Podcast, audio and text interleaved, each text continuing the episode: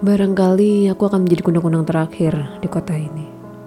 Segalanya terasa sebagai kesenduan di kota ini. Gedung-gedung tua kelabu, jalanan yang nyaris lengang seharian, deretan warung kelontong, dan kafe-kafe sunyi dengan cahaya matahari muram yang mirip kesedihan yang ditumpahkan. Kota ini seperti dosa yang pelan-pelan ingin dihapuskan. Bila suatu kali kau berkunjung ke kota yang terletak di lekuk teluk yang bagai mata yang mengantuk ini, kau sesekali hanya akan bertemu dengan satu dua orang tua yang berjalan malas, atau pemabuk yang meringkuk mendekur di bangku-bangku taman. Bila kau perhatikan dengan cermat, setiap perempuan yang kau temui di kota ini selalu berjubah dan berkudung hitam, seolah-olah mereka terus berkabung sepanjang hidupnya, seolah-olah mereka semua adalah rahib kesedihan. Dan bila kau memperhatikan lebih cermat lagi, lebih teliti, maka kau akan segera tahu. Hampir dari mereka semua buta. Ada banyak kisah, setidaknya pernah aku dengar, kenapa semua penduduk di kota ini buta. Jagat raya semula hanyalah gugusan cahaya, cahaya yang kuning keemasan. Lalu ruh sepasang manusia pertama tercipta dari cahaya itu. Berbentuk percik cahaya, kuningan serupa kunang-kunang. Sepasang ruh yang serupa kunang-kunang itu kemudian turun ke dunia. Begitu kisah leluhur. Lalu berdiam di tubuh manusia yang semula hanyalah serupa batang-batang pohon. Tinggi menjulang, diam bagi pertapa. Ruh yang serupa kunang-kunang itu hinggap di tubuh manusia sebagai sepasang mata hingga manusia hidup dan bisa melihat dunia. Ketika manusia mati, ruh itu kembali terbang menjelma kunang-kunang dan manusia kembali buta. Kisah lain datang dari muasal teluk yang terletak di utara kota ini. Teluk Duka Cita. Begitu orang-orang di kota ini menyebutnya. Pangeran ketiga dan putri kelima. Mereka sekandung anak raja pertama saling jatuh cinta. Dan waktu juga mau dan mampu menghentikannya karena tak tahu lagi bagaimana cara menghentikan cinta terlarang dua saudara sekandung itu. Permaisuri sembari terisak meminta syarat yang menurutnya muskil dipenuhi. Dalam semalam mereka harus menyediakan kunang-kunang yang bisa dihamparkan dengan rapi sanggup menutup seluruh permukaan teluk. Cinta yang buta memberi mereka akal, juga kekejaman. Dengan menggabungkan sihir yang dimilikinya, Pangeran ketiga dan putri kelima memanggil semua kunang-kunang yang ada. Bahkan, mereka diam-diam menambahi kunang-kunang itu dengan mata para penduduk yang telah mereka congkel dan mereka sihir menjadi kunang-kunang. Melihat itu, Raja segera menyuruh para prajurit menebah kunang-kunang yang telah berhasil dikumpulkan itu agar kembali terbang. Maka meski telah ratusan mata dicongkel untuk menggenapi kunang-kunang agar bisa menutupi seluruh permukaan teluk, Hingga pagi tiba, masih ada sebagian teluk yang tak tertutup kunang-kunang. Pangeran ketiga dan putri kelima mengeram marah ketika mengetahui cara lecik raja mengagalkan cinta mereka. Di hadapan raja dan permaisuri, mereka langsung saling menusuk jantung masing-masing. Sambil mengutuk, mereka akan mengambil semua mata seluruh penduduk dan keturunan yang hidup di kota ini hingga siapa pun yang tak harus menanggung dosa menjadi buta. Kemudian mayat keduanya jatuh ke dalam teluk.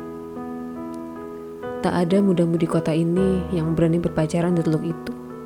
Bila nekat, sepulang dari sana mata mereka buta. Kisah yang ini barangkali akan lebih kau percaya. Bermula dari kedatangan pasukan asing dan perang saudara yang berlangsung bertahun-tahun setelahnya. Banyak warga yang kemudian dicap pemberontak. Mereka yang dituduh mata-mata pemberontak langsung ditangkap dan dicongkel matanya.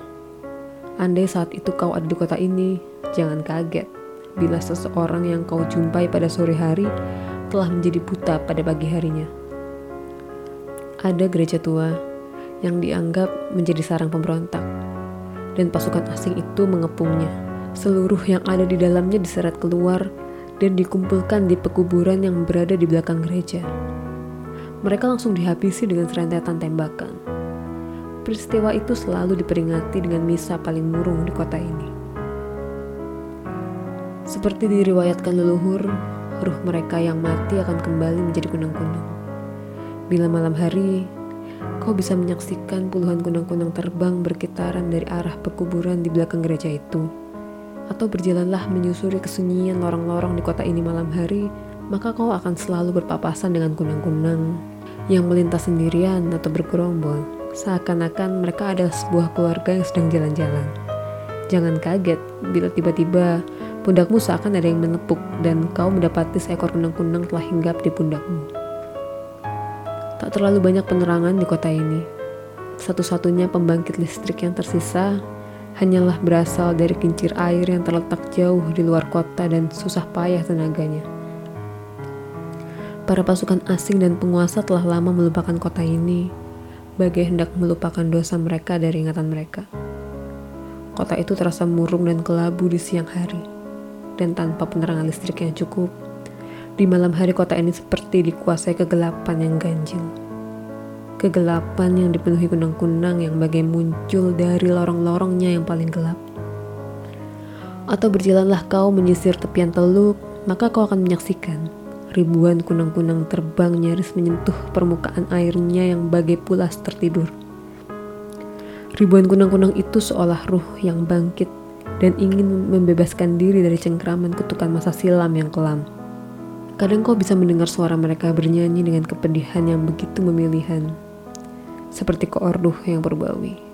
Cahaya kunang-kunang akan membuat jalanan kota di malam hari menjadi tampak berpendaran kekuningan, seperti ada mata yang terus menyala dari balik kegelapan. Kau akan melihat kunang-kunang itu bergerombol memenuhi warung dan kafe-kafe seakan tengah mengobrol. Kau akan menyaksikan kunang-kunang itu hinggap di tiang listrik yang mati hingga tiang listrik itu terlihat seperti pohon yang menyala kekuningan. Ketika segerombolan kunang-kunang hinggap di serimbun perdu atau tumpukan batu, maka perdu dan batu itu seketika menyala berpendaran. Dinding-dinding yang terlihat kusam dan tua di siang hari menjadi berkilauan di malam hari. Dan sebuah pohon merangas, dan sebuah pohon merangas biasa saja seketika langsung menyala ke kuning-kuningan seakan hiasan lampu jalan atau pohon Natal. Ada yang hidup di malam hari di kota ini, yang tak hidup di siang hari. Sebenarnya pernah suatu saat kota ini mencoba hidup dan berbenah diri. Banyak pendatang yang mencari keberuntungan, tapi barangkali kota ini memang kota yang ingin dilupakan atau dilenyapkan. Selalu saja ada hal-hal kecil yang sepertinya sengaja diciptakan untuk menjadi kerusuhan pembunuhan dan perkelahian, rumah ibadah yang dibakar, penembakan dan ledakan bom. Kota ini menjadi kota yang selalu dipenuhi permusuhan dan kerusuhan. Iman menjadi sesuatu yang menakutkan. Desas-desus tantang pasukan bertopeng yang suka menculik dan menjongkel mata siapa saja yang ditangkapnya membuat bergidik para warga yang kemudian memilih meninggalkan kota ini. Hingga kota ini tinggal dihuni orang-orang yang sebagian besar telah buta dan gunang-gunang. Apalah yang layak diceritakan dari kota yang murung dan hanya didiami orang-orang buta dan kunang-kunang seperti aku ini. Aku, seperti ribuan kunang-kunang lain di kota ini, hidup dalam kesunyian cahaya. Kami seperti menanggung beban masa silam yang sampai kini tak pernah bisa kami pahami. Sebagai ruh, kunang-kunang seperti kami hidup abadi. Tapi apalah arti keabadian bila kami hidup dalam kesunyian yang tak tertanggungkan seperti ini. Kami hidup untuk melupakan apa yang telah terjadi pada kami. Aku sendiri selalu ingin melupakan ingatan buruk itu ketika suatu malam saat aku masih hidup menjadi manusia, berjalan pulang selesai pesta dansa. Di kalokan jalan gelap, beberapa orang bertopeng menyergap dan meringkusnya. Aku tak sempat menjerit dan melawan ketika kurasakan belati tepat menikam jantungku. Pada detik terakhir, aku hanya sempat merasakan kesakitan yang tak bisa aku lukiskan dengan kata-kata tepat saat mereka mencongkel mataku. Pada detik terakhir itulah ruhku keluar dari tubuhku dan menjelma kunang-kunang. Peristiwa itu terjadi sebulan sebelum Natal. Setelah peristiwa itu terjadi kerusuhan dan kebakaran, yang menghanguskan nyaris sepertiga kota. Bekas yang disisakannya berupa onggokan arang kebakaran, bila dilihat dari ketinggian seperti luka sayatan pedang, yang mengiris wajah kota. Kesakitan yang akan lama kekal dalam ingatan. Dan inilah kali pertama aku akan merayakan Natal sebagai kunang-kunang. Mengenang dan memikirkan apa yang telah terjadi di kota ini, aku luapi kesedihan yang membuatku sepertinya akan menjadi kunang-kunang terakhir di kota ini. Aku merasa aku hanya terlalu dikuasai kesedihan. Mereka yang sudah lama menjadi kunang-kunang mungkin pernah mengalami perasaan sentimental seperti ini. Tetapi akhirnya menjadi biasa Perasaan sentimental itulah yang barangkali membuatku ingin menceritakan semua kisah ini kepadamu. Malam Natal di kota ini, kau akan menyaksikan kunang-kunang bermunculan dari penjuru kota yang bergerak melayang menuju gereja tua, di mana dulu pernah terjadi pembantaian. Kunang-kunang itu memenuhi gereja, hingga gereja menjadi terang benderang berkilauan kuning keemasan. Para fresko di belakang altar Kacanya yang buram dan sudah pecah di beberapa bagian, cahaya kunang-kunang itu menampakkan diri bagai aura para santa, membuat salib Kristus yang menjulang seolah diselubungi cahaya kesunyian yang lembut dan meneduhkan. Sementara para jemaat yang nyaris sebagian besar renta dan buta, para perempuan yang murung sepanjang hidupnya, mengikuti misa dengan keheningan jiwa yang membuat segala suara di sekitarnya seperti terhisap lesap.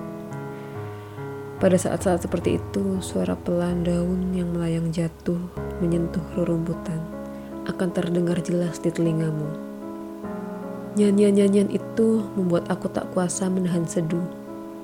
Aku membayangkan kota yang terang, teluk yang lembut, dan menguarakan kesegaran yang tak terjamah musim. Kotaku, kotaku yang sesungguhnya elok ini Kenapa engkau ditinggalkan para penduduk yang mencintaimu dengan seluruh nestapa dan duka cita? Keheningan misa mendadak pecah oleh ledakan. Para jemaat yang buta berlarian dan tersandung hingga terjerembab. Aku melihat kobaran. Aku melihat api berkobar dari arah samping gereja. Seperti ada yang melemparkan bom molotov. Seperti ada ledakan granat atau entah apa yang tak pernah aku tahu. Mungkin seseorang telah menyelusup ke dalam gereja dan meledakkan diri. Dan api makin berkobar. Sebentar lagi, mungkin gereja ini akan terlalap api dan memusnahkan semua kunang-kunang di dalamnya. Sebelum api itu menghanguskanku, mungkin aku akan menjadi kunang-kunang terakhir di kota ini yang masih sempat menceritakan semua ini kepadamu.